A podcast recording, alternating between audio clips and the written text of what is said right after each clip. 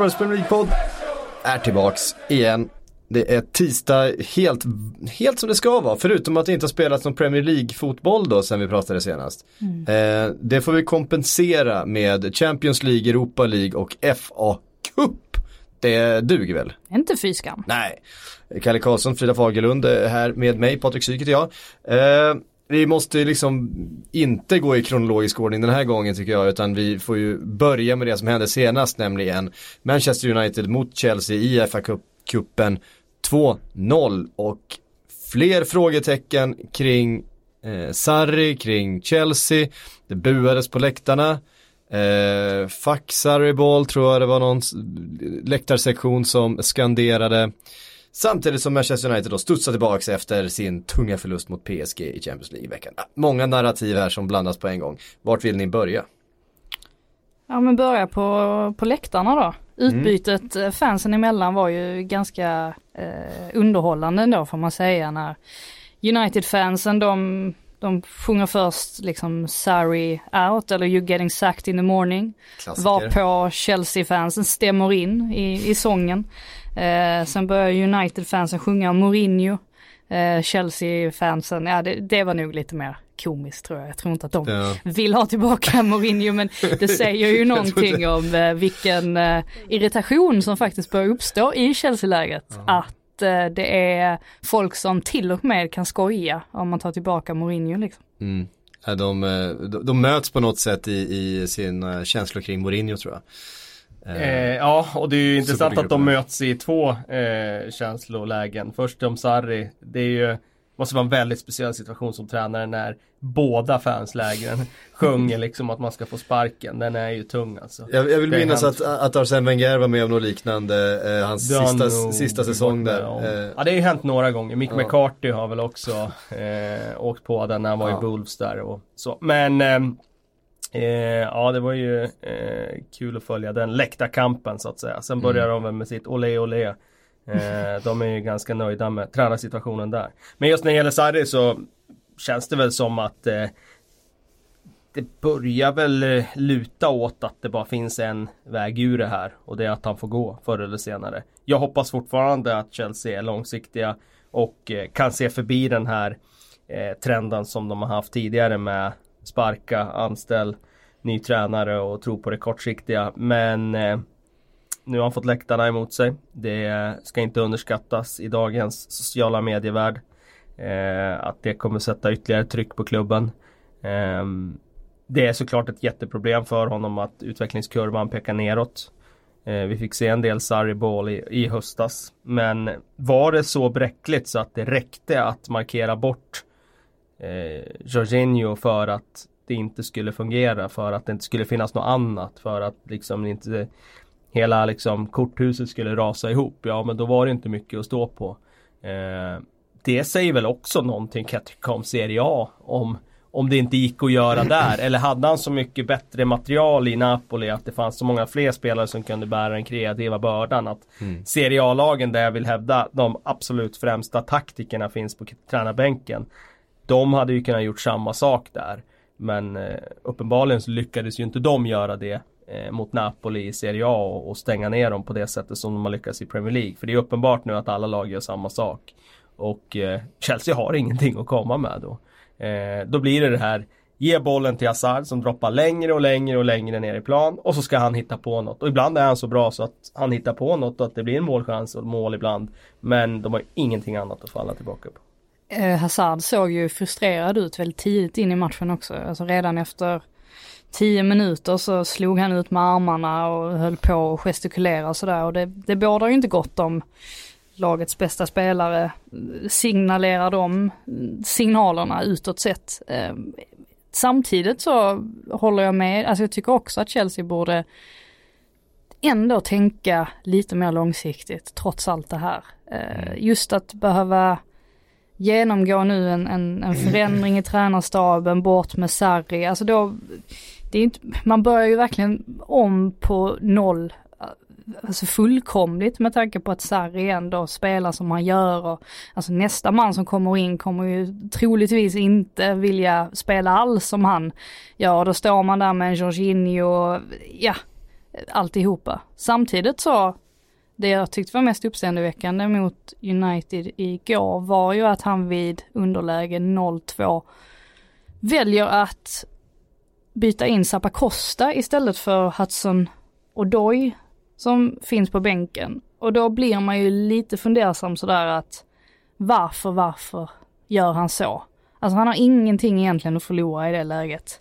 Varför inte bara slänga på liksom Chelsea-fansens favoritkille där, Hudson Odoi, hoppas att han gör någonting. Ja, där mm. förstår jag inte riktigt vad han tänker. Jag tror att han är, Sarri är ganska stolt av sig generellt och jag tror att det faktiskt kan bli hans fall. För nu gäller det att vara lite ödmjuk om man ska kunna ro ut det här liksom. Mm. Ja, just Hazard det är intressant för vi har sett honom tidigare när han har varit i en situation där han inte har trivts. Eh, där resultaten har gått emot Chelsea överlag och då ser vi, har vi också sett att, att Hazard kanske inte är spelaren som, som tar tag i situationen, som bär laget. Han är ju såklart den bästa spelaren liksom kvalitetsmässigt. Men eh, vi såg det sista året under eh, Conte, vi har sett det under eh, Mourinho Eh, och vi verkar som att vi får se det nu också när det börjar bli motvind i Sarribol att, att Hazard eh, han krymper med uppgiften på något sätt. Ehm, Eh, har jag rätt? För mig är han ingen ledare på, som eh, står när det blåser. Utan det är en sån lyxspelare som är så otroligt skicklig men eh, solen ska helst skina. Laget ska mm. gå bra. Leder med 1-0 då är han fenomenal att skåda. Men det är ingen som tar tag i och liksom lyfter dem runt omkring sig och så vidare. Han är ju mer en individualist i sitt spel och sitt liksom i sin liksom ledarskap som lagkapten. Så att för mig så eh, är ju det ett problem att Chelsea har ju ingen, vem ska ta tag i det i Chelsea? Alltså eh, vilken, vilken spelare på plan ska göra? Vem är det du sätter tilltro till på plan som är den här ledaren, den här riktiga liksom eh, fältherren som kliver fram nu när det är kris. Jag ser ingen sån spelare. David Luiz, ja, han kan ju gör det med en enskild aktion som, som gör att han lyfter laget men han är ju otroligt ojämn. Han blir ju ingen ledare på det sättet. Jorginho tror jag hade kunnat varit det om han hade varit i form och allt hade funkat för honom. Som det var i början av säsongen. Då såg man ju verkligen hur han styrde laget på plan. Var Sarris förlängda arm. Men det funkar ju inte nu när han har följt upp med att bli av med den som punktmarkerar honom i matcherna liksom. Ehm, och det finns ingen annan och sen har det jag, jag, jag vet att jag har försvarat Sarri tidigare men jag vill ändå understryka att alltså Ska man bygga om ett lag så här då måste du göra det mer grundligt än vad Chelsea har gjort. Det räcker inte bara med att plocka in Jorginho på mittfältet och nu har Iguain kommit in i januari. De skulle behöva nya ytterbackar. De skulle behöva ny eh, liksom, ny energi på ytterpositioner. Eh, framförallt högerkanten då. Eh, de skulle behöva rollspelare i de här eh, pocketrollerna på mittfältet. Ja då skulle vi kunna börja snacka. Så jag tycker han ska få ett transferfönster till men jag inser ju också att när läktarna börjar vända sig emot här resultaten inte kommer. Det är självklart att det, det, det kommer att bli tufft för honom här i vår. Mm. Det är ju rätt intressant också för att precis som att Eden Hazard inte är en ledare men kan vara en fantastisk spelare när han är på topp så är ju Paul Pogba precis samma sak. Han är inte heller en ledartyp.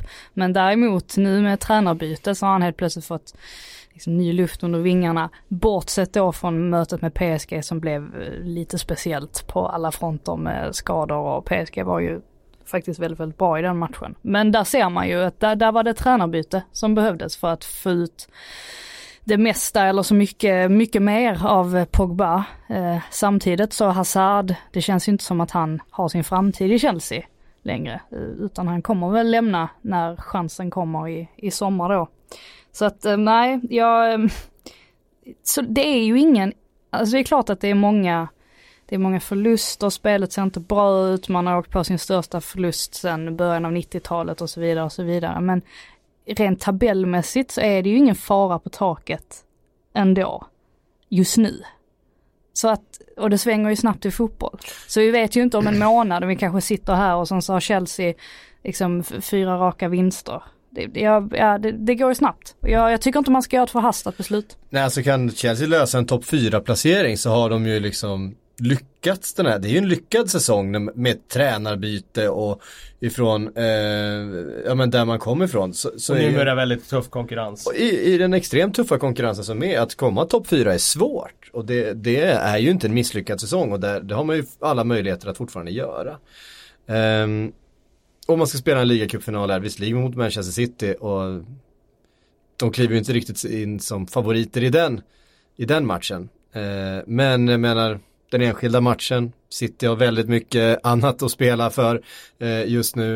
Eh, men säg, alltså härifrån, en ligacup eh, buckla och en topp 4 placering för Chelsea. Det är ju inom räckhåll. Ja, alltså med tanke på resultatet senast för Chelsea när de mötte City så ser jag en ganska god chans eh, nu i den här finalen. Just för att dels kommer revanschlustan vara super, super stor. Dels så tror jag att man kan titta på den matchen och ja, peka på eh, vad man behöver förbättra och så vidare. Så att, eh, och de har slagit City ja, i den här säsongen. Så att, eh, jag, jag, jag tror absolut att eh, de har chans på en trofé och då kan stämningsläget förändras. I alla fall lite grann. Det gör det ju automatiskt för alla klubbar som får lyfta en buckla och, och fira det. Så att eh, vi får se. Jag hoppas som sagt att, eh, att han kan få ordning på det. Men det är klart, det, det är inte bra när, när eh, tålamodet börjar tryta på läktarna sådär. För det brukar ju vara lite svårt att vända sådär när, när fanskaran börjar vända sig emot. Och som jag säger, ibland så mm, supporterskaror idag tenderar ju att välja hur man ser på saker och ting. Alltså en tränare som är omtyckt, om Klopp gör en sak, ja men då ser man mellan fingrarna. En tränare som gör samma sak som inte är omtyckt, mm. ja men då ser man ju som, ja men hur kan man göra på det där sättet? Det är ju eh, idiotiskt. Så att eh, har de nu börjat vända sig emot honom så kommer han uppförsbacke. Mm. Mm. Det är därför ja. jag just nämnde det där med Hudson Odoi, att varför inte slänga in honom och, och kanske få lite något cred i utbyte ändå om du förstår vad jag menar. Alltså lite alltså rent populism. psykologiskt. Ja, precis, lite, att vara lite, lite grann populistisk. Jag tror inte att Alltså nu, nu slutade ju 0-2 matchen. Han hade ju inte förlorat på att slänga in honom istället för Zappa Costa. Nej, han hade absolut inte förlorat på det. det är, och man kan absolut undra varför han gjorde det. Däremot så tror jag inte man ska bli populist som tränare. Alltså, Nej, vi har ju sett exempel på en förbundskapten till exempel som, som, som, som var populist. Och det, det, det, ta det värsta exemplet. Ja, liksom. nej men jag tror rent generellt, man behöver inte ta det exemplet. Jag tror rent generellt så tror jag att man gräver sin egen grav om man lyssnar till eh, liksom vad stämningsläget vill att man ska göra. Man kan faktiskt hävda att det var en av anledningarna till att det började gå dåligt för Mourinho i, i Manchester United. För han blev, han tvingades in, han har ju aldrig varit populist på det sättet. Han har ju varit oerhört När han var som bäst var han ju aldrig Men, populist. Men just i Manchester United när han på något sätt tvingades från liksom klubbkultur och läktare och allting att förändra sin, sin, grundsyn. Ja, liksom. Eller han tappade aldrig sin grundsyn. Men han tappade sin spel. Han tvingades ja, in i, lite. Ja, han tvingades in i, ut på is som var lite tunn mm. i hans värld. Jag håller helt med. Eh, och därifrån hämtades han aldrig riktigt. Så när han väl sen skulle liksom ta tillbaks allting in på liksom den säkra sidan där han känner sig bekväm. Då, då, då fanns liksom inte riktigt förtroendet hos spelarna, det hade börjat knorra och då hade den här liksom, ja. Mourinho-spiralen redan börjat eh, satts igång. Kanske lite tidigare än vad den hade gjort eh, annars. Alltså jag menar ju inte att man skulle frångå sin ideologi Nej, nej det förstår jag också. För jag, jag, förstår, jag ja, håller med dig. Att, då att, tappar att, man ju spelarna ja. istället. Det är ju inte bra. För då börjar de ju kanske tro att vadå, kan inte vi, klarar inte vi av att spela ditt spel? Ja men då, då är vi kanske inte så bra. Alltså då sviktar ju självförtroendet. Jag menar mm. mer att ibland måste man kanske vara lite, lite smart. Ibland mm. måste man säga vissa grejer på presskonferensen efteråt också. Mm. Bara för att försöka liksom få lite mer tid. Det, det, det, det är allt. Ja, Nej, jag håller med dig. Eh, vi pratar lite mer om Manchester United då. Som ju gör en jättefin match igen. Eh, Lindelöf hyllas efter den här matchen också. Eh, har ju verkligen vuxit fram till en utav förgrundsfigurerna för Ole Gunnar Solskärs eh, United. Men eh, Pogba är ju den som skäl eh, de största rubrikerna mm. igen. Ett mål och en assist eh, igår. Um, han är, när han är bra så är han bra. ja så kan man nog uttrycka det. Mm. Ja, nej, When det it rains it pours. Ja, nej han, eh, han är såklart eh, eh, otroligt avgörande för. Det är bara att titta på antalet poäng han har gjort nu sen, sen Solskär kom in. Du får inte det av många centrala mittfältare i världen. Om någon ens. Jag kan inte komma Mm. på någon som kan spela den positionen och göra så mycket poäng som han har gjort nu. Eh, möjligen att någon nummer 10 spelare, det är klart man kan argumentera för att han har nästan en nummer 10 roll. Eh, men eh, han eh, eh, gör ju sådana grejer som eh, match efter match är helt avgörande för dem. Passningen till första målet. Mm. Eh, sättet han kommer in i straffområdet nu för tiden. Han var ju inte in i straffområdet speciellt mycket under Mourinho. Men vi har ju snackat rätt mycket om Pogba så det finns inte så mycket mer att tillägga där. Jag tycker det är intressant just att Solskär hamnar rätt nu med taktiken igen. Eh, de verkar hitta något där med att gå brett med yttrar och spela egentligen lite mer diamant med breda forwards. Jag såg ett lag spela på det sättet. Nu ska jag eh, dra mig till minnes. I Dana Cup såg jag Brunnbys 81 då. Det var en helt otroligt bra match mellan Brunnbys 81 och ett engelskt lag. Som var, ja, det var, det var så sjukt hög nivå. Och Det här är på 90 90-talet någon gång. 95 är det. Eh, så vi var, vi var 14 år. Eh, och vi tyckte väl själva, vi kom med ett ganska bra lag men det var liksom en match som var på en helt annan nivå. Och då spelade Brumby på det sättet. Breda forwards och centrala mittfältare som skulle blåsa rakt i mitten. Jag hade aldrig sett det då. Eh, har nog inte sett det efteråt heller. Men eh, de spelar ju, United spelar ju så med på, på omställningsspel eh, liksom, spel. och Mm. det har ju funkat väldigt bra mot Tottenham, det har ju funkat bra borta mot Arsenal, det funkar bra eh, nu i den här matchen. Och eh, tycker att eh, alltså det är många som, som förtjänar att lyftas fram i det här tränarlyftet liksom att Herrera har ju blivit otroligt viktig för dem. Luke Shaw tycker jag har fått en, jätte, eh, liksom en rejäl nytändning. Smalling. Småling eh, är inte en akilleshäl eh, på samma sätt som han var innan och det innebär ju också ett lyft för honom. Matic har ju också blivit mycket bättre än vad tidigare. Så det är, ja det är många. Men Matic, där ser man ju verkligen skillnad. Det känns som att eh, om vi nu pratar om att Pogba kommer in i straffområdet så har jag ju inte sett Matic gå framåt så här i banan på det sättet han gör. Det är inte många bollar han slår i sidled längre. Utan det är hela tiden liksom med blicken framåt.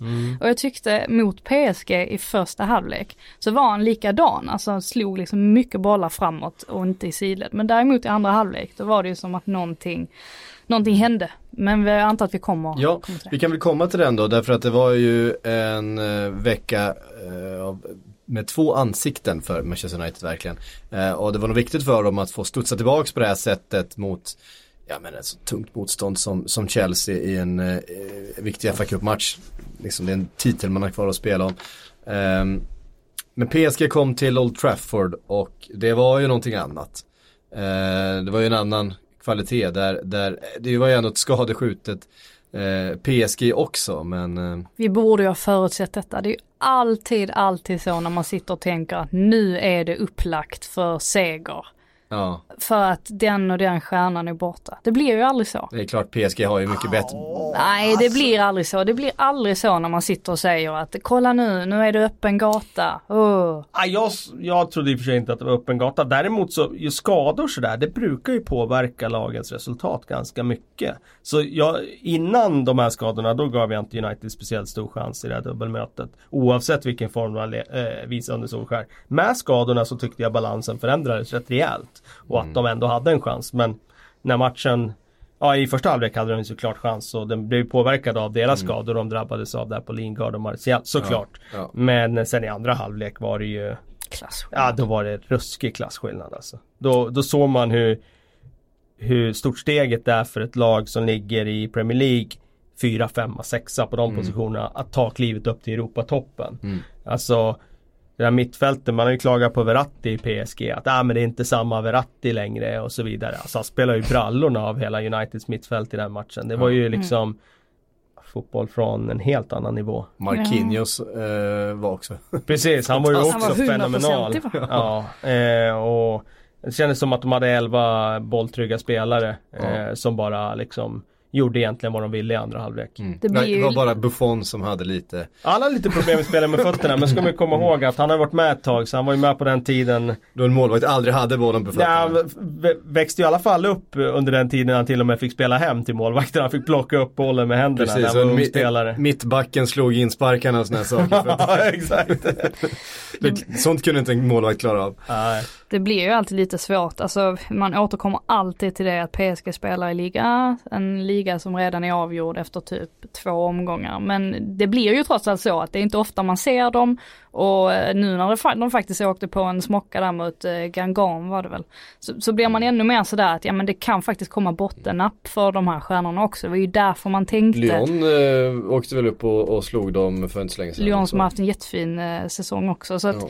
det är ju eh, någonstans så, så tänkte vi klart att man inte tänkte att Manchester United är stor favorit mot PSG men man tänkte att en sån här en sån här chans får man bara en gång i livet, Ole. Mm. Eh, men det man också blir förvånad över att se, det är hur pass mycket de faktiskt påverkades av att både Lingard och Martial klev av. För att det blev ju ett helt annat United. Och man såg ju tydligt att Alexis nog inte kommer bli så mycket bättre. Alltså det var som att spela med tio man alltså när ja. han kom in. Han var så fruktansvärt dålig i den matchen.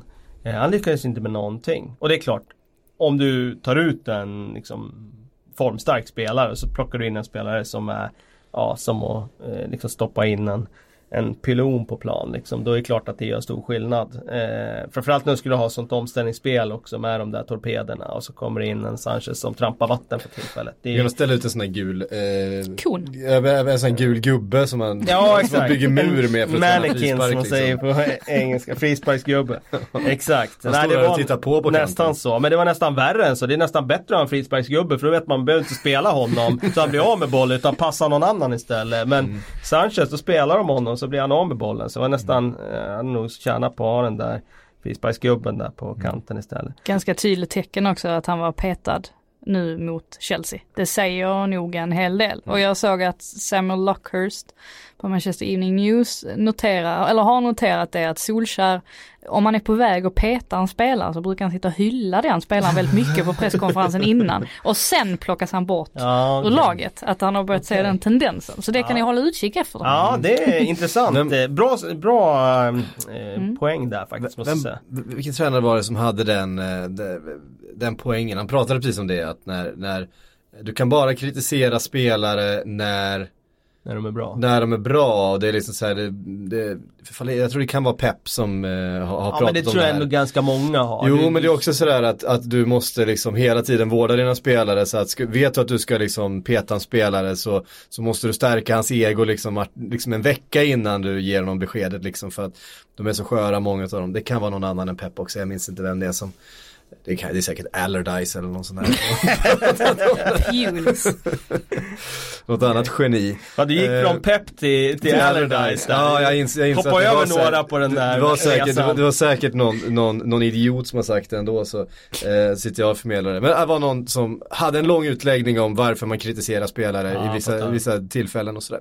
Eh, Men det var ändå intressant efter matchen igår för det var ju någon som hade eh, sett det också att eh, Ander Herrera hade ju gått fram till eh, Alexis efter matchen. Mm. För när han hoppade in i inhoppet igår, då såg man ju ändå att han krigade ju verkligen. Han försökte ju verkligen. Sen kanske han inte var jättebra, men det var ju ändå en sån typ av inhoppare som alla lag ändå vill ha. Han går in mm. och så tar han jobbet. Mm. Och då hade ju Herrera gick ju fram till eh, Alexis efteråt liksom verkligen bara körde världens peptalk med honom och kramade om honom. Och det han han eh, hade sagt då var just det där, fan vilket bra jobb du gjorde när du kom in liksom. Mm. Så att, ja det... Kanske ska kassera honom? Nej, inte, alltså vi kan nog kassera honom som en av ligans bästa spelare. Jag tror inte han kommer tillbaka till den nivån han var i Arsenal. Men är, om han nu i alla fall har förstått att han måste jobba jäkligt hårt för att komma i form och tillbaka liksom. Då är det i alla fall en start på någonting. Mm.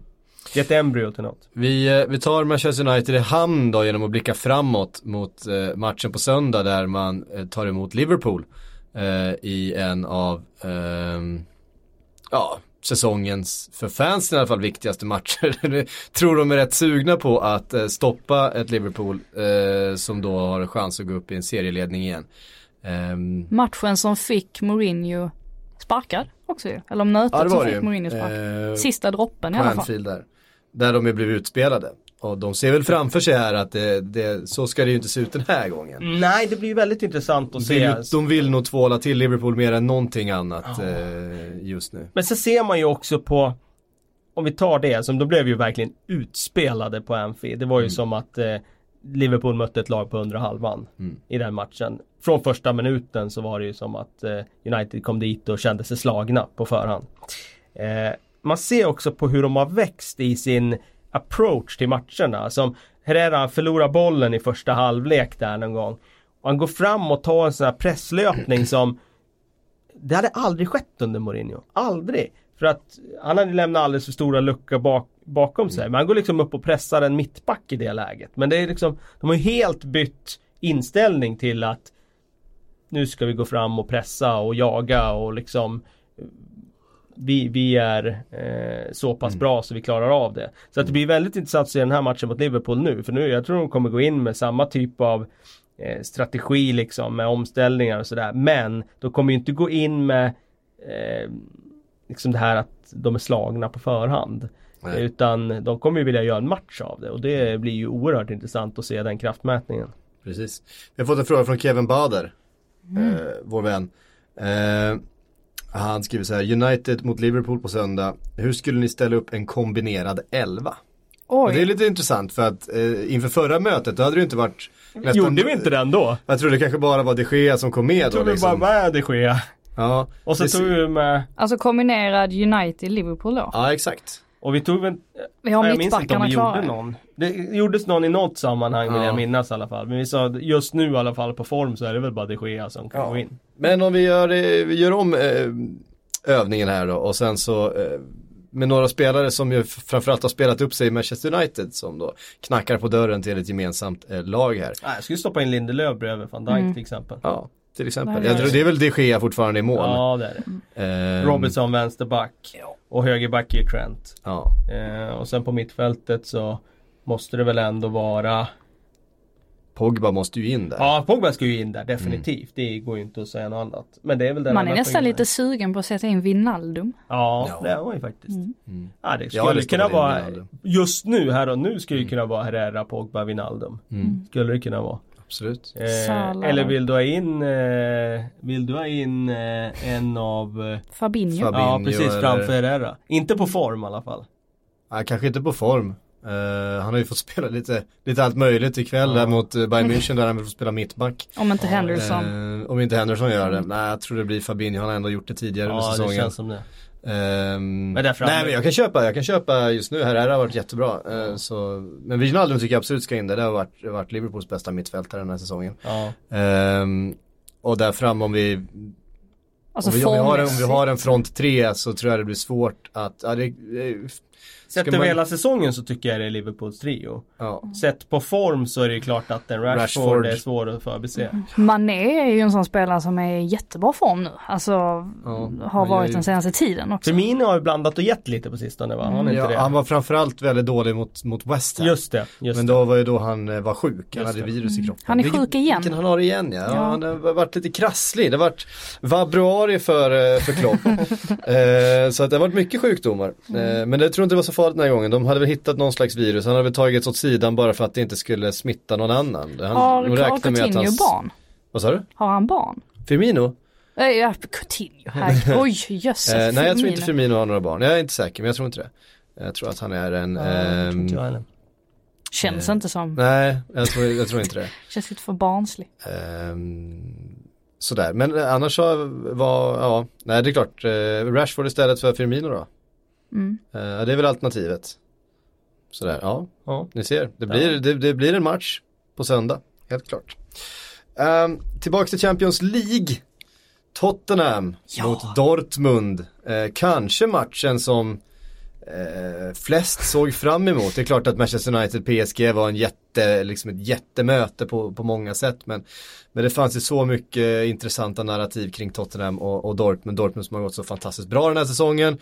Eh, Tottenham med alla frågetecken och vi var inne på det förra veckan att ja, men Pochettino han, han gnuggar fram resultat på det ena och andra sättet och han, han anpassar spelet och det är liksom mycket skador och sen så kommer då liksom formstarka Dortmund på besök och Tottenham vinner med 3-0. Alla vi som har suttit och hypat Jadon Sancho med rätta, för han har gjort mm. en jättefin säsong, fick ju oss en jäkla käftsmäll när han hamnade rakt ner i fartongens ficka och liksom aldrig riktigt lämnade den mm. eh, på, på hela kvällen. Han var ju Vilken så match. jäkla bra! Vilken match han gör för fartongen. ja det var fem plus alltså för ja. honom. Hade man betygsatt hade man nog satt fem plus. Ja jag tror det. Ja men för att han Det måste det ju vara. Det är ju, om, man var, om man är så bra och sen är det på den absolut högsta nivå då mm. måste ja. det bli fem. Frågan är om det ska vara sex plus. Det är ju några få som har fått det i historien. Det är väl bara Glenn Hysén va? Ja han fick ju inte sex plus. Han fick, han fick ju sex getingar. Ja, ja precis. Eh, jag vet inte ifall det har delats ut några 6 plusser. Jag försökte någon gång men det är tydligen väldigt heligt. Det, det är svårt får inte... att få igenom hos ja. Eh, redaktören. Jag försökte ge det till Lindelöf nu i, jag tror det var mot Ryssland. de andra, de andra var nej. Nej lugn nu, lugn nu. Rookien sätt dig ner i båten. jag var japp.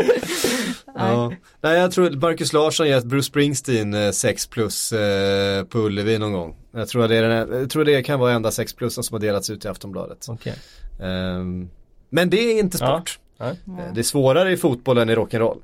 Uh, så är det ju. Men de bröt men, ju ner Dortmund. Alltså Tottenham. Ja, ja uh, det var väldigt mycket så och uh, Fertongen var ju, var ju obeveklig på den där kanten. Han, fram, både framåt och bakåt var han ju så on point som man, man, kan vara. Han dribblade och inläggen han slår är ju liksom eh, hög, högklassiga. Och, och, där inne är ju Jung Min Son som... Eh... Ready to pop the question? The jewelers at BlueNile.com have got sparkle down to a science with beautiful lab-grown diamonds worthy of your most brilliant moments. Their lab grown diamonds are independently graded and guaranteed identical to natural diamonds, and they're ready to ship to your door. Go to Bluenile.com and use promo code LISTEN to get $50 off your purchase of $500 or more. That's code LISTEN at Bluenile.com for $50 off. Bluenile.com code LISTEN. Han bara levererar.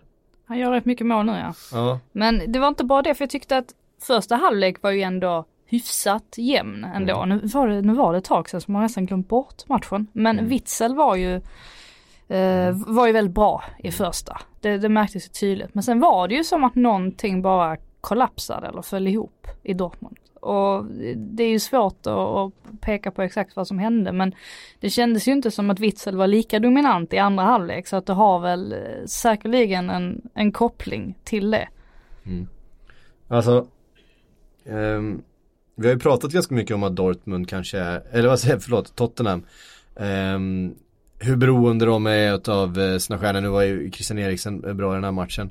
Uh, han, han, har varit bra i Champions League överhuvudtaget. Mm. Alltså vi har ju tjatat lite på honom i, i ligaspelet att han har fallit bort i vissa matcher och sådär. Men i Champions League har han ju faktiskt varit väldigt, väldigt bra.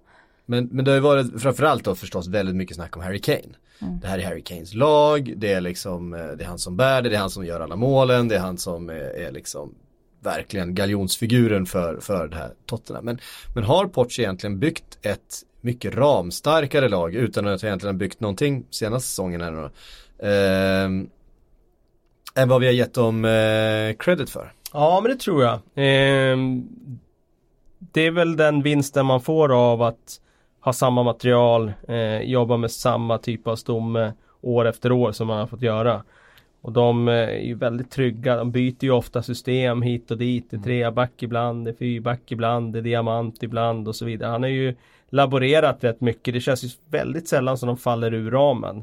Eh, och jag tycker alltid liksom det är därför de har klarat av nu under den här vintern och har de här skadeproblemen som de har och ändå vinna. För att det finns någon slags grund i den där truppen som gör att de de är väldigt trygga i sitt system och väldigt trygga i vad de ska göra. Så att jag tror att de han har inte fått tillräckligt med cred. Även om vi har gett honom cred så har han ändå inte fått tillräckligt med cred för vad han har gjort med eh, med kollektivet. Vi lyfter ju ofta hur han har lyft den enskilda spelaren där, de unga eh, liksom spelarna och mm. Kane. Men, men också hur han har skolat om en, en Moussa Sissoko till exempel på ett eh, och menar nu Fertongen uppe och spelar wingback eller var han? Ja, trebackslinje var det va? Ja men var inte han wingback där? Det var väl Alder ja. Fereld, eh, Davison Sanchez och eh, alltså det är så länge sedan jag måste Och Juan Foyt Ja just det, Foyt spelade jag Visst var det så? Och Fertongen på en wingback Ja så var det, såklart, eh, såklart. Eh, Och det jag menar från att vara en av ligans absolut bästa Foyt mittbackar. Var ju, Foyt var ju lite illa ute där ja. i första halvlek. Han Då sjabblade han med bollen någon gång. Tänkte man där, det där hade ju faktiskt kunnat gå illa. Han, han har sett lite, lite skakig ut. Han såg väldigt bra ut eh, under en period i höstas eh, när han eh, precis hade kommit in i, i truppen där och det var lite skador i backlinjen och Jean Foyt löste eh, uppgifterna med bravur. Men han har sett lite svajig ut vid några tillfällen senaste tiden.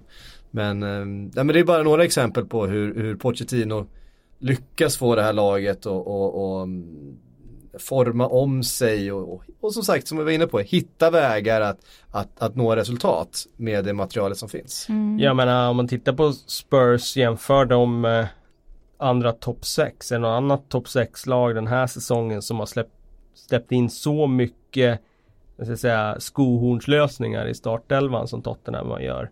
Alltså det är Skip, det är Foyt, det är mm. alla möjliga typer av eh, Harry lösning. Winks är ju given nu. Nu är han given och som han har spelat senaste tiden så ska han ju vara given. Mm. Men eh, Cissoko var ju allt annat än ordinarie när liksom säsongen mm. startade mm. och så vidare. Men det känns som att det är ett väldigt tryggt lag att komma in i som ung oprövad spelare. Eh, till skillnad från att komma in i Arsenal eller Manchester United eller eh, Chelsea eller Eh, City för den delen, de släpper ju aldrig fram någon så det får vi aldrig veta. Eh, det, det, känns som att eh, Nej, det ingen finns av en... de andra egentligen. Inte så många på övre halvan av Premier League. Nej, Liverpool har ju gjort det med Trent och de här men de har ju spelat nu ett tag. Det var ju en och en halv säsong sedan. Ja, precis. Liksom. Sen är ju Dortmund inne i en lite svajig period också. Nu kastar Släng... du telefonen omkring dig här. Nej men de har inte vunnit sedan den 26 januari tror jag det Och de kryssade ju mot eh, Nürnberg i, mm. så sent som igår. Mm. Så att, eh, ja, de har ju också en liten, liten formsvacka där. Ja.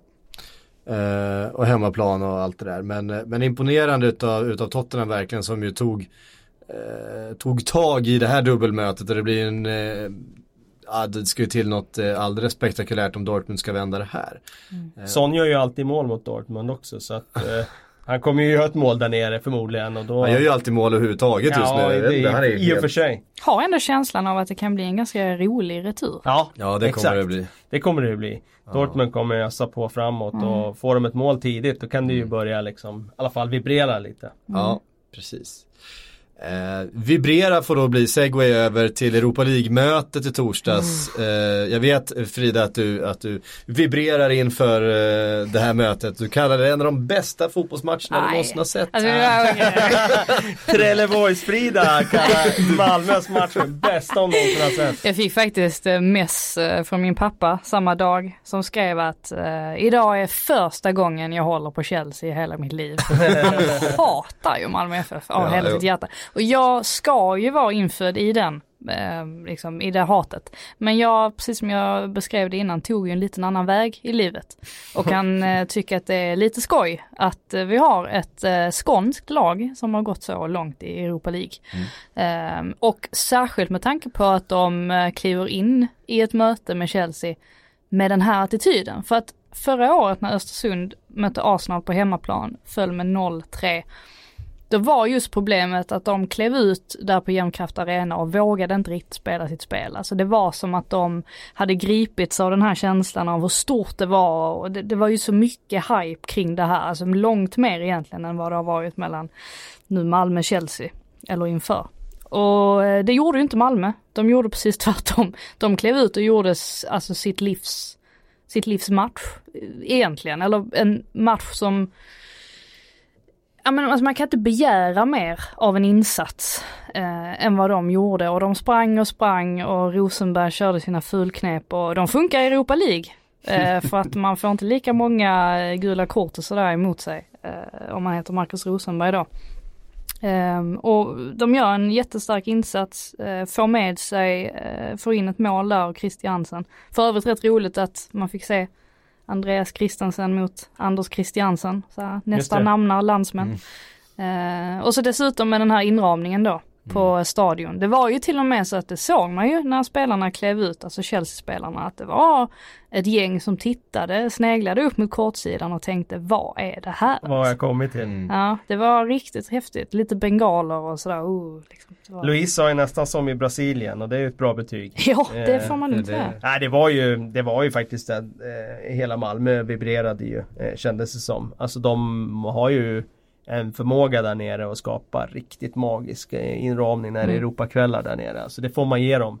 Ehm, och jag håller helt med dig att eh, insatsen var ju ja, 5 plus, 6 plus höll jag på att säga. Nej. Det var ju ingen nej. spelare som var, föll ur. Nej, liksom. De gör ju precis så mycket som man kan begära och lite mm. till. Och Sett till spelet så ska de ju faktiskt ha ett bättre resultat i matchen. Det är två försvarsmissar. Ja, och det är ju såklart ingen slump att, att de gör de missarna och att Chelsea utnyttjar dem för där kommer kvalitetsskillnaden in.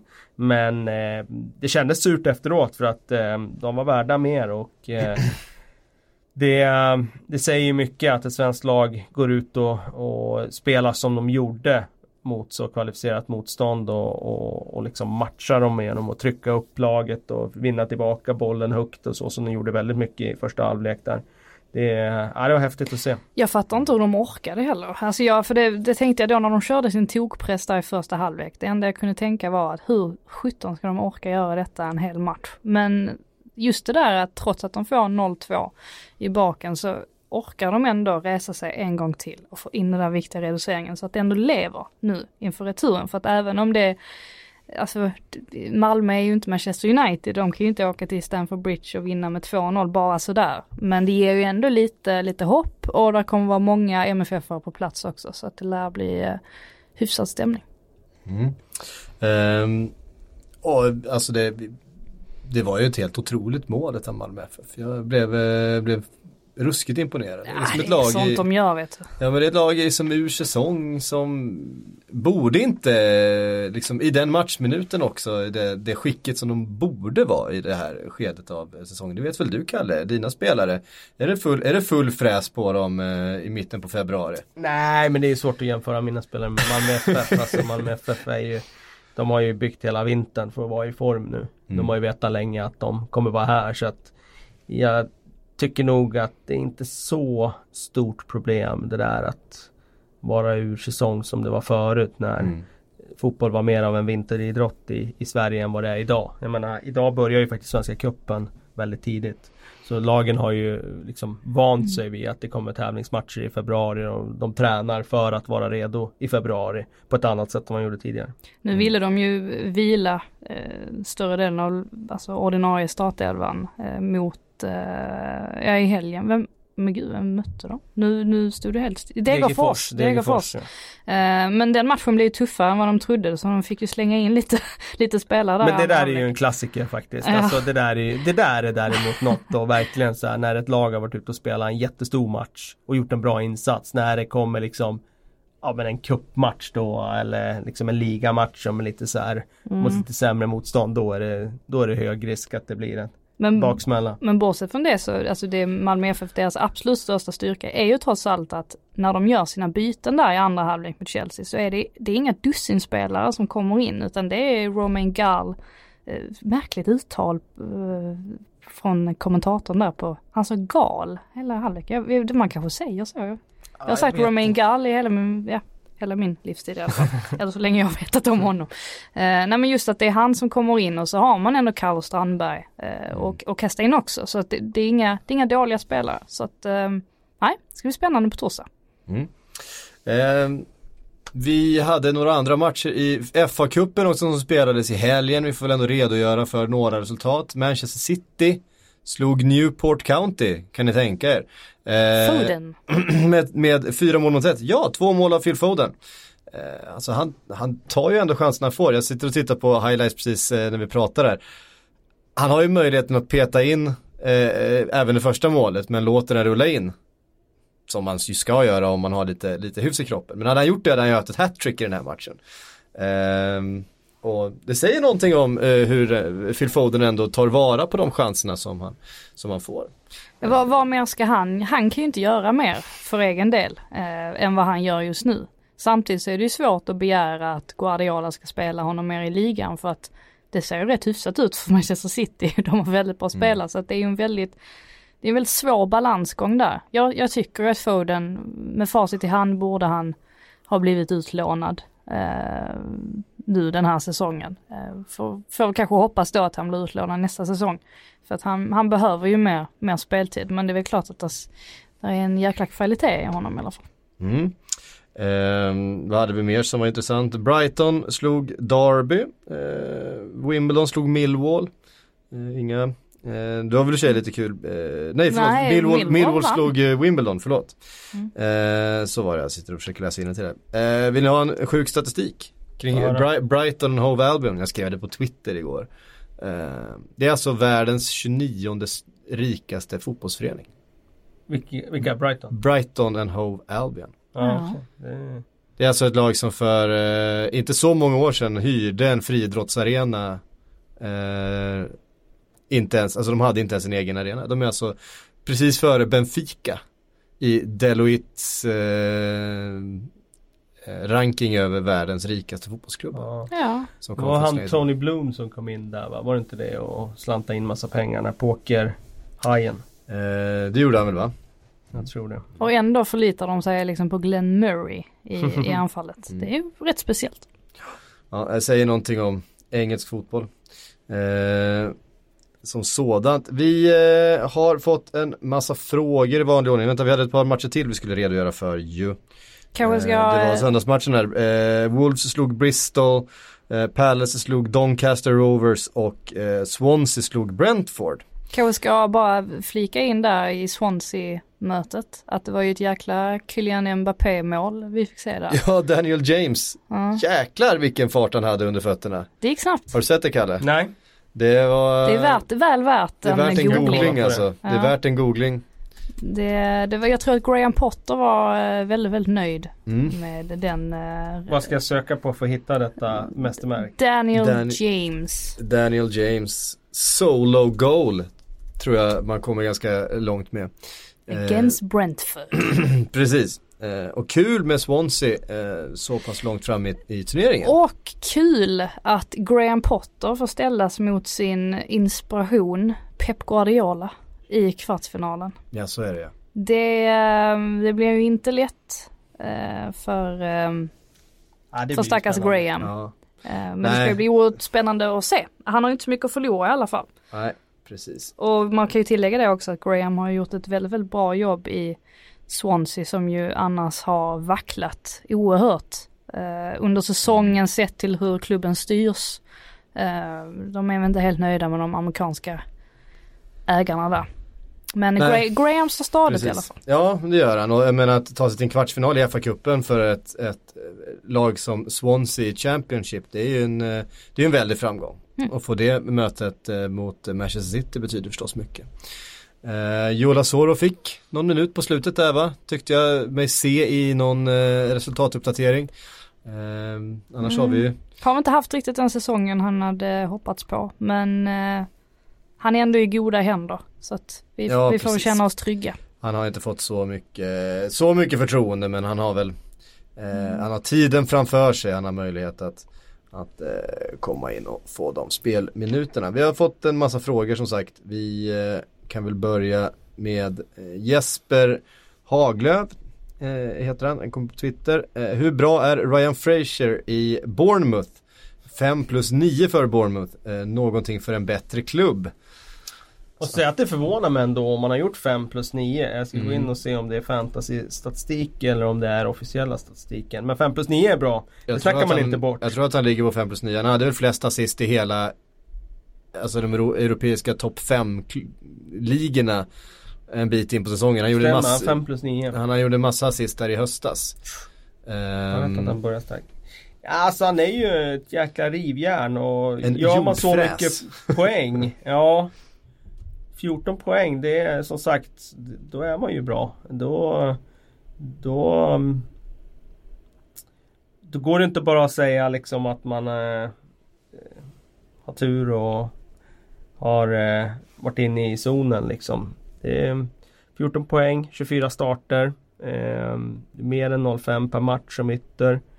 Jag skulle säga att eh, poängfacit gör ju att eh, jag ändå känner att han skulle kunna ta något steg uppåt i, i eh, tabellen eh, så att säga. Alltså gå till en klubb som kanske är lite större än vad Dortmund, eller Dort- Dortmund, Bournemouth är. Eh, men mer än så, det tvivlar jag på. Vi har fått en fråga från eh, Petter Molin. Kan ni ta ut en elva med spelare som ni tycker får alldeles för lite speltid? Om det finns några guldkorn som glömts bort så att säga. En elva tror jag inte vi kan eh, mäkta med. Men om Phil Foden, Foden konstaterar vi får för lite speltid. Hudson Odoi. Eh, Hudson och Doy hade vi gärna sett eh, med lite mer speltid. Eh, är det några andra som ni tycker på något sätt lite orättfärdigt sitter eh, Orättfärdigt ska det vara också. Nej det, det behöver ju inte vara. Men någon som ni kanske uppfattar som inte då respektives tränare kanske uppfattar på samma sätt. Jag hade sagt Lacazette i Anna, alltså om, om det här hade varit precis i början av säsongen Ja. när det kändes som att han var Precis. andra val. Men nu går det ju inte att säga det, för nu får han ju spela en massa. Och det blir ju inte bra ändå. För Arsenal. Nej, eh, nej alltså jag tycker det känns som att eh, de som har de som har känt haft möjlighet att spela in sig i, i. Andreas Christensen. Ja, Andreas Ja. Christensen kan vara en, en bra shout faktiskt. Det- Eh, Sörlott. eh, Nu är han inte kvar längre. Han är ju men- inte nej, nej, kvar. men, han är inte kvar men eh, jag ville ändå Max, få in, ja, Max Max, Meyer. Ma- Max Meyer, det håller jag med om. Det jag ville också- få in dina favoriter Frida. Ja men det- va, jag kan inte ha rätt varje gång. Ni ska se, mitt tips som jag tippade i augusti, det stämmer typ nu. Ja, snyggt. så att om tabellen håller sig så här. Då, Hela tabellen? Nej men alltså topp top, top 7 är helt rätt. Ja det är bra. Och sen hyfsat rätt i mitten. City Ja, etta då och Liverpool två. Watford är den, nej, Liverpool. Du vet ju att jag har Liverpool som etta. Ja jag vet men City leder ju nu. De har en match mer spelat. Ja, jo just det, ja. Men okej, men för en vecka, eller två veckor sedan, då hade Ja. jag rätt. Det var vid något, vid något tillfälle. nu, har, nu har jag Så stod, snurrat så in stod stjärnorna i, i, i Zenit och, och Nej, fan släpp det. Vi- Ja, fråga. ja, eh, när vi spelade som eh, får för lite speltid så jag, jag vill ju alltid säga Adama Traoré för att man tycker att det är kul.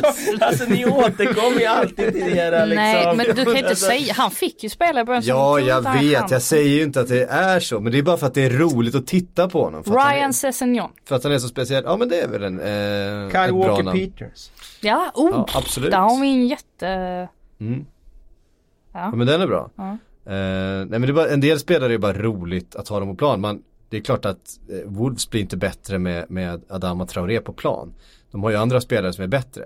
Men det är ju det är alltid kul att ha en, en gubbe som kan göra någonting sånt där eh, väldigt udda som han kan. Ja. Med sin fantastiska Ja, jag- jag fart. dig.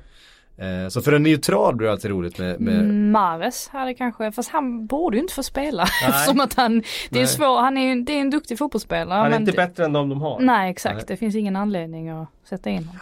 Precis. Eh, Thomas Nygren undrar eh, Vilken var er bästa respektive sämsta spaning inför den här säsongen? Oh, oh den, den är ju jättebra. För man Min hade sämsta säkert- spaning var ju att eh, Chelsea skulle börja svagt och, och börja trumma igång längre fram i, under säsongen. Ja, men jag, tror, jag, tror jag, var inne på, jag tror att jag var inne på ungefär samma när det gäller Chelsea. Att eh, liksom, det kommer vara lite Jag tittade på första säsongen med Sarri i, i Napoli, det var oerhört mycket kryss och det, var, liksom det tog ett tag innan spelarna lärde sig systemet och så vidare. Eh, det blev helt tvärtom. Ja. Ja, min, ja min, min sämsta blev väl typ om Sarri om Sarri sparkas. För att jag tycker ändå Mm. att mm, jag har ändå försökt att försvara honom lite grann och sådär hela tiden. Så Mm. att om han försvinner nu så är det ett litet misslyckande i min i mitt eh, siande. Ja. Eh, bästa spaningen då?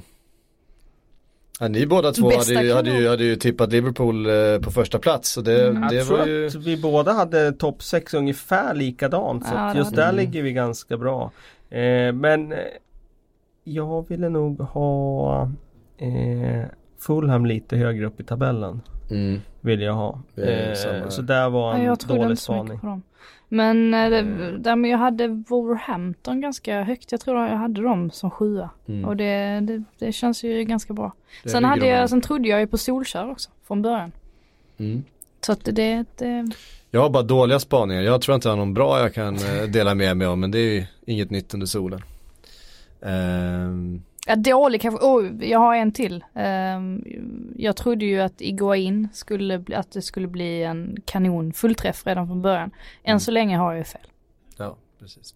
Ja, eh, det var några sådana. Det, ni har säkert bättre koll än vad vi har. Ja, vi, ja.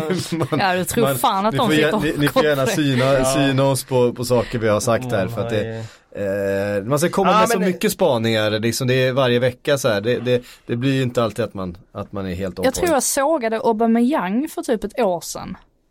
Alltså totalt, liksom trodde inte alls på honom. Och Mm. eh, ja, det, där har jag väl haft hyfsat fel ändå. Men samtidigt så inte helt åt skogen fel. Nej. Eh, nej men eh, var vi inte lite ute och snöa när det gällde Everton? Vi kände väl som vi alltid gör om Everton att nu Ja. känns det lite spännande. Jag fått hade ju fel om Silva som vanligt. Marco Silva och sådär, exakt. Men eh, jag trodde ju också att det skulle gå bättre än vad det har gjort nu. Ja. Men det har ju ändå, de ligger ju fortfarande där de ligger. Och, ja, nia. Ja, Mm. det är inte, rimligt. ingen fara på taket än. Jag känner att Everton ska vara sjua. Ja, det är med, det man med, den, med den Ja. investeringen den de, de har gjort men, nu med med det Wolves, liksom. men nu med Wolves är det inte lika Nej. Givet att de är best of the rest längre. Nej, fine, men Wolves är ändå en nykomling. Everton har haft några år på sig att bygga det här. Visst, nu har de fått bygga om igen då med, med, med Silva och så vidare. Eh, Men, men de fick ändå in Richarlison, de fick ändå, de fick ändå det de ville liksom. Nu kom jag på en dålig spaning som jag gjorde. Det var Ja. ju att jag, jag var övertygad om att Naby Keita skulle bli en fullträff. Ja, Och att han skulle gå in och göra avtryck direkt i Premier League. Ja. Där har ju jag gått snett. ja, du och många andra. Ja. Eh, ja, jag är inte ensam om det. Nej. Men man måste ju sticka ut hakan lite också. Jag ska ja, ja, nej det blir för tråkigt bara... annars. Så är Det är kul att bli motbevisad. Absolut. Nej, det är, det är bara... Ibland går man rätt, ibland går man fel. vi, vi har fått en, vi, här har vi fått en hot Det är sant. Vi har fått en hot take här ifrån eh, P.A. Gull. Eh, han skriver så här. Eh, Pogba är skit, presterar enbart mot medelmåtta i Premier League. Kass direkt när han möter ett skadeskjutet PSG.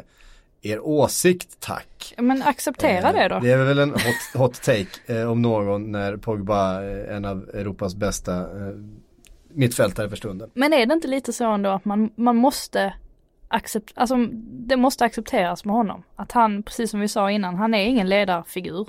Och börjar det gå dåligt för Manchester United i en match så är det kanske inte han som liksom vänder det negativa till det positiva. Utan han, han kommer ha höga toppar och han kommer ha ganska så djupa dalar. Och det är så det är bara. Eller? Ja, och sen led han ju lite av Han led ju också av att laget inte fungerade i den matchen. Att de fick de där skadorna och att hans mittfältskompanjoner där var ju inte de, de mötte helt enkelt spelare som var bättre. Ja, precis. Eh, Magnus Moberg undrar, vad hade Spurs kunnat göra eh, transfermässigt realistiskt för att blanda sig i titelstriden?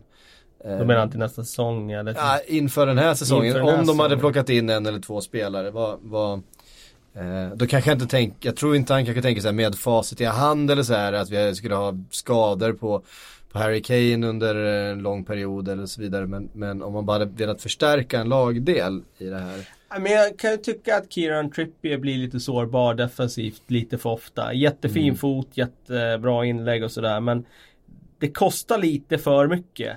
Och om man ska gå upp på den absolut högsta nivå och vinna ligatitlar så här, då får man inte ha den typen av akilleshälar som motståndaren känner, där ska vi sätta in stöten. Eh, så jag kan ju se dem Jag menar Aurier, du, du, du litar ju inte på Aurier. Det kan ju vara fågel eller fisk liksom. Eh, så där kan jag väl se då att eh, det är klart att de hade Men är det verkligen de liksom, Det hade ju varit att behålla Kyle Walker där då. Inte sälja honom till City. Eh, det är klart att det hade Hade de inte gjort det så är det klart att för ett och ett halvt år sedan där eller vad det blir Då är det klart att det hade varit en typ av transferpolitik som hade gett dem en bättre chans att gå hela vägen. Sen är det ju den där andra eh, liksom andra spelaren som ska in och täcka upp här och där. Mm. Eh, som, som är lite bättre hos Manchester City och Manchester Mm. United har lite bredare trupp och sådär. Så det är väl där de får man kan titta på att de skulle kunna uppgradera lite. Mm. Jag tycker fortfarande att Juris inte riktigt håller.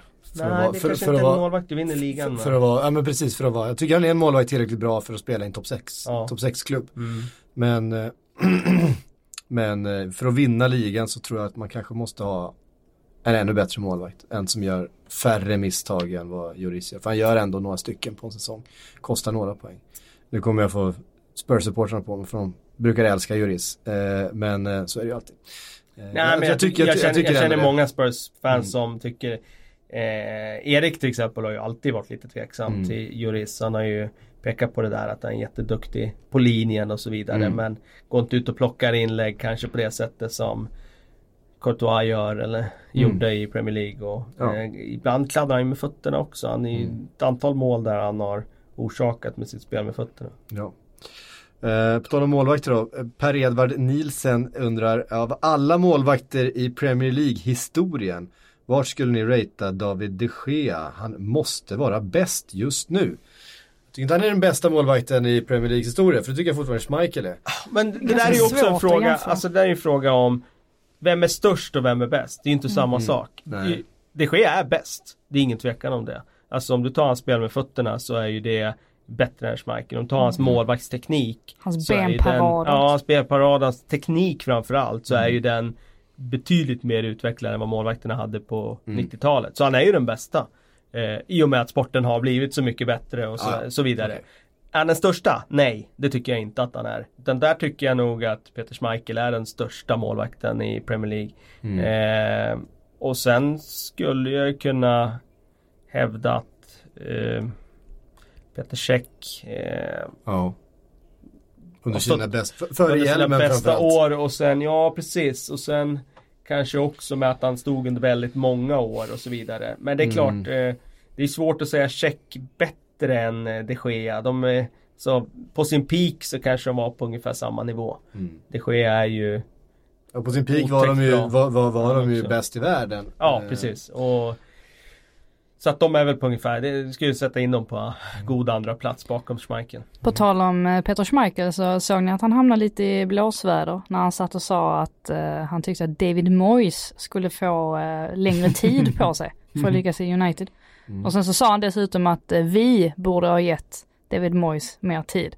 I, genom hela liksom eh, programmet, han satt i någon studio, om det var BT Sports Jaha, Sky det var ju väldigt intressant av den gode Peter att säga så. Mm. Eh, vad grundade han det på? Han grundade på att Solskär är ju liksom uppbackad av Sir Alex nu, menar han, på, ett- på ett annat Och sätt. jag menar att The Chosen One inte var uppbackad av Sir Alex när han personligen hade åkt dit och sagt att han borde ta jobbet. Ja, och, och sen så nämnde han ju inte ens det att Moyes började ju kicka s- staben och Ja, det gjorde han direkt han kom kickade ju, ja, Bilen och dem, ja. och det, då, då föll ju ganska snabbt. Så att det, de detaljerna undanslöt han. Men jag tror att han landade i någon sorts kontenta av att United borde ha förutsett det här bättre och borde ha liksom lagt upp en mer långsiktig strategi. Så man kan ju tycka det, men när man kommer till vägs ände och en tränare tappar omklädningsrummet, då finns det ingen väg Nej, han, tillbaka. han, hade ju tappat han är inte jättepopulär efter det här. Alltså Nej. uttalandet. Nej. Så kan vi säga. Nej, det var ju lite märkligt att Peter tyckte så. Mm. Mårten Everbrand undrar när kommer Everton vinna en fotbollsmatch igen? Han frågade din vän Marcus Silva, han kanske Ja. har ett svar på det. Jag tror han önskar att han hade ett svar på det. När han, när han plockar in en expert på, på fasta situationer, hur man Ja. försvarar vid en fast Ja, situation. Kan ju ta han som eh, England hade under, under VM där. De hade ju en dedikerad, nu har jag inte namnet Mm. på honom. De hade ju en dedikerad Just det. eh, coach, bara fasta situationer. Wenger plockade väl också in en Mm. under eh, en period. Bara fasta. Ja, Ja. Det Eller om det var, det var kanske ren försvarstränare i och för sig. Ja, Kanske Bold hade ju försvarsträn- eh, försvarsspelet, Steve Bold. Mm. Eh, men, för det, alltså fasta situationer hamnar ju ofta på någon ASS-tränare och sådär. Mm. Men det är ju skillnad på att det hamnar på en ASS-tränares bord mot att ha en dedikerad som bara gör det. Eh, Hur mycket jobbar man defensiva fasta? på den här nivån skulle du tro? Eh, alltså mycket. Mm, det, alltså. Jobbar någon mycket, mer än Allardyce? Eller mycket, vad ska jag säga. Det, är ju, det beror ju på lite vad du är för karaktär på ditt lag. Mm. Om du tar City så tror jag inte de jobbar så mycket defensiva fasta situationer. De räknar med att de får inte så många emot sig och så vidare. Eh, medans Stoke på sin tid så, så gjorde de nog betydligt mer.